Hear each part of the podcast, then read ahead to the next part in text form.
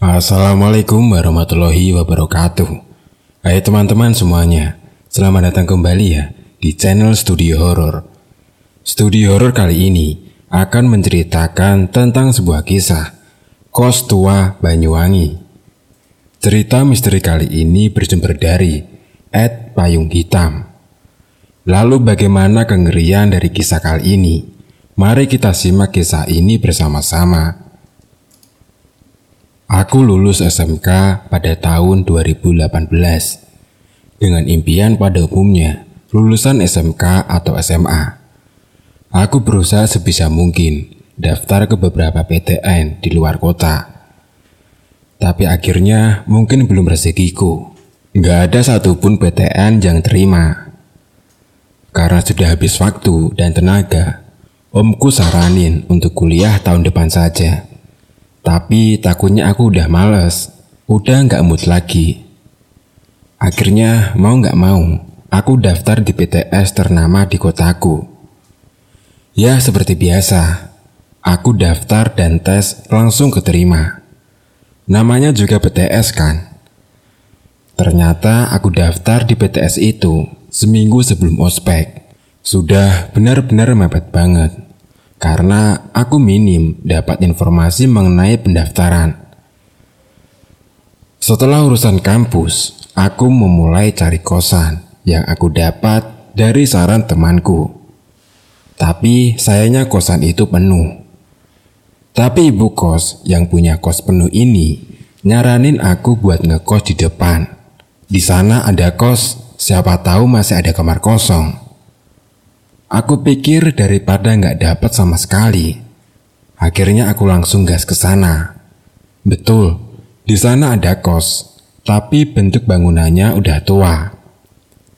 Alhamdulillah ada satu kamar kosong, dan langsung aku iakan.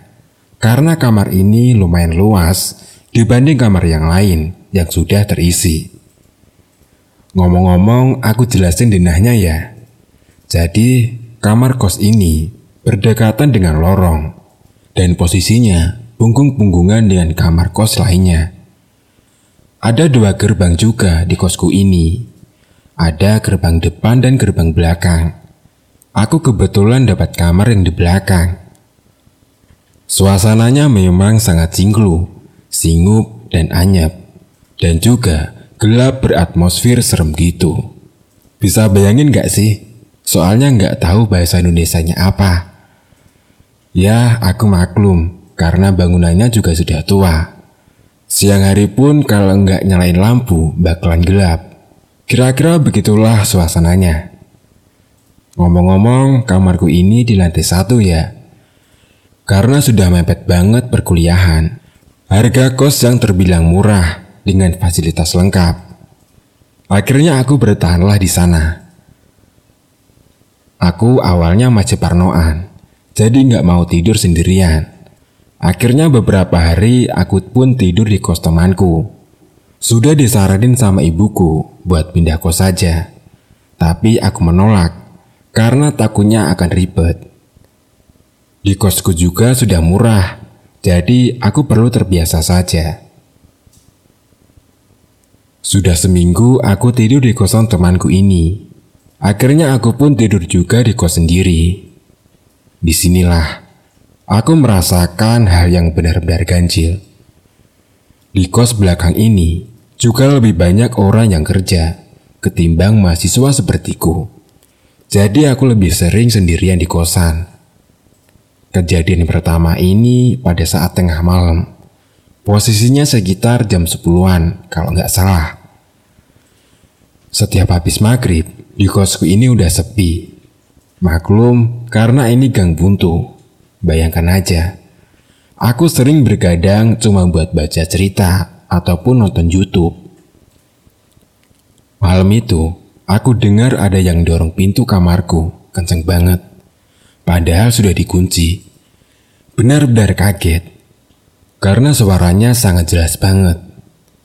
Aku nggak dengar ada langkah kaki apa pun karena benar-benar ketakutan. Aku pun memutuskan untuk tidur. Kejadian ini nggak cuma sekali sebetulnya. Memang kalau udah tengah malam, Di kosku ini sering banget ada orang. Tapi nggak tahu juga sih, orang beneran apa bukan yang beraktivitas di depan itu. Kayak mondar-mandir di gerbang, keluar masuk dan lewat depan kamarku. Awalnya aku pikir itu adalah bapak pemilik kos. Tapi aku pikir-pikir, ngapain bapak kos jam segini mondar-mandir? Ada juga Pernah siang-siang, aku sempetin tidur sebelum kuliah. Nah, itu beneran bikin aku takut. Karena di tengah-tengah tidurku, aku dengar orang lari-larian, tapi bukan di luar kamar. Itu suara ada di dalam kamarku. Itu benar-benar jelas banget. Jadi ngebuat aku langsung melek seketika.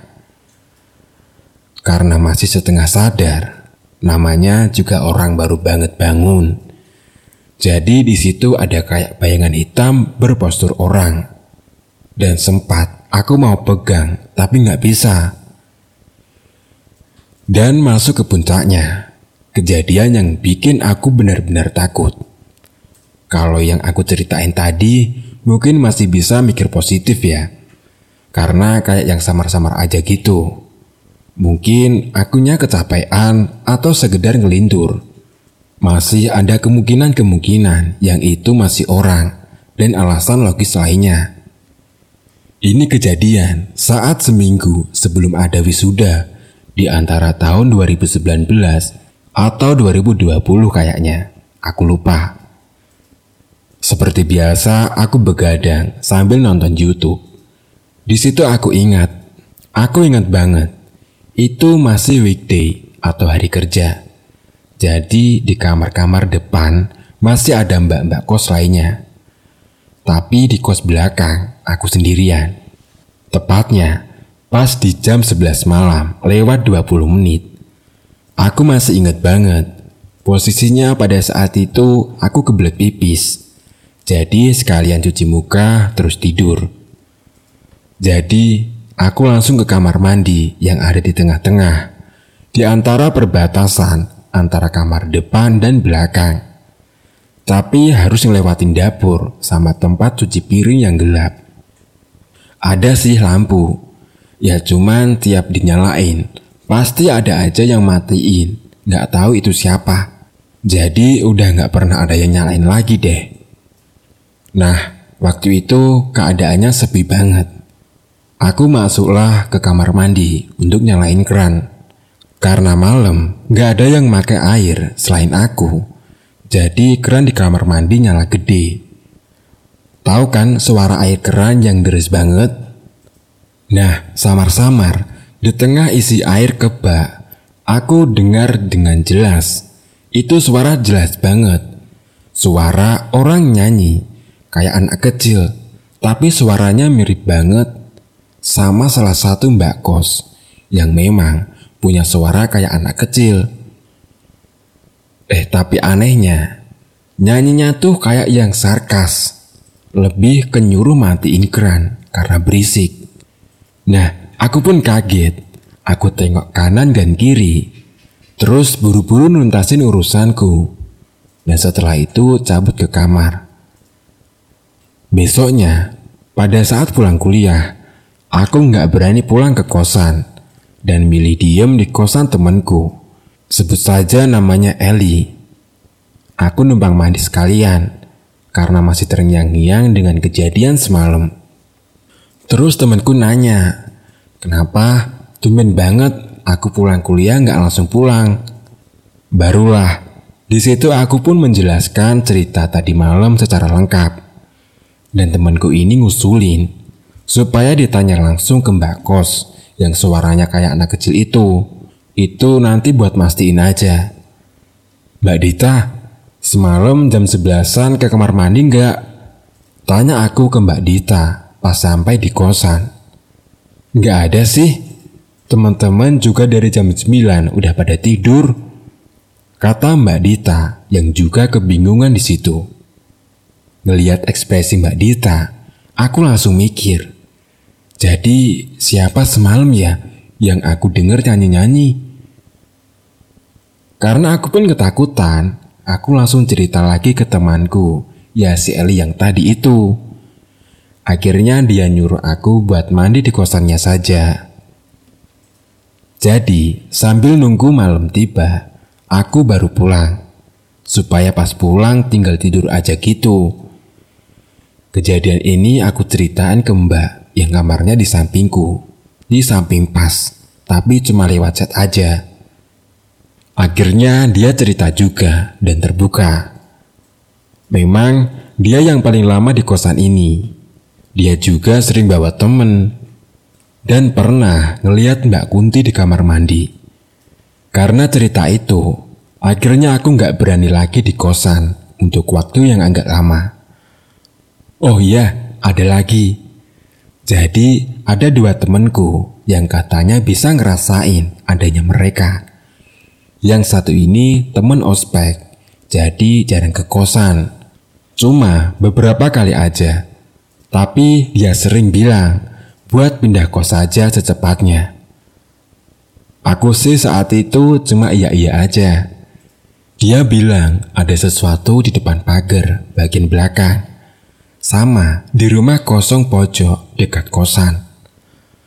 Dan temanku satunya ini, dia yang ngalamin, yang akhirnya aku benar-benar yakin kalau kosan ini memang berhantu. Kejadian terakhir inilah yang bikin aku yakin banget kos ini berhantu. Jadi pas banget, Hamin satu wisuda, ada temanku satu yang seprodi berniat menginap di kosan. Malamnya memang gak ada apa-apa, masih aman, dan kita juga begadang. Nah, kejadiannya besoknya setelah acara temanku ini. Niatnya istirahat di kosanku biar pulangnya nanti habis maghrib sekalian. Jadi singkat cerita, sudah tepat maghrib ini, aku selesai makan. Posisinya temanku duduk di pintu, buat nahan pintunya biar nggak nutup. Aku pamit ke dia buat nyuci piring, sekalian ambil wudhu. Dia pun ngeiyain di situ. Setelah selesai nyuci piring sama sekalian wudhu, aku akhirnya balik ke kamar. Anehnya pintu kamar ketutup, yang aku yakin tadi kebuka. Dan temanku ini udah biasa kalau di sini duduk di situ. Karena katanya ngerasa gerah, padahal udah ada kipas. Gak mikir aneh-aneh, ya udahlah, aku masuk ke kamar. Dan anehnya, dia diem aja di kamar sampai aku selesai sholat. Habis itu dia pamit mau pulang. Aku pun bertanya, kenapa dia diem aja? Dia cuma jawab, gak apa-apa, nanti aku ceritain kalau udah sampai rumah. Besoknya, ini pas hari Sabtu, aku di kos sendirian. Barulah temanku yang kemarin cerita, kalau pas kemarin aku pamit nyuci piring. Gak berselang lama, dia ngeliat dari ekor matanya. Yang jelas kelihatan karena dia duduknya pas di pintu. Ada cewek pakai baju putih, jalannya yang kayak cepet banget ke arah gerbang. Dan anehnya, dia nggak denger langkah kaki.